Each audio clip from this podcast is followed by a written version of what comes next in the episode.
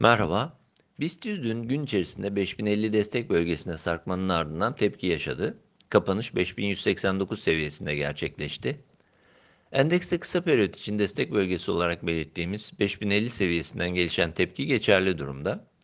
Dolayısıyla bu aşamada 5250-5300 direnç bölgesinin gündemde kaldığını düşünmeye devam ediyoruz. Üzerinde 5500-5700 bandı yeni hareket bölgesi olarak gündeme gelebilecektir. Daha önce belirttiğimiz gibi 5050-4950 bandı kısa periyot için destek bölgesi olmaya devam ediyor. Bu bölge üzerindeki tutunma beklentimizi koruyoruz. Bununla birlikte beklentimizin aksine 4950 bölgesi altına yaşanacak sarkma aşağı eğilimin bir miktar daha belirgin duruma gelmesini sağlayabilir ve bu defa 4750-4700 seviyesine yönelme gerçekleşebilir.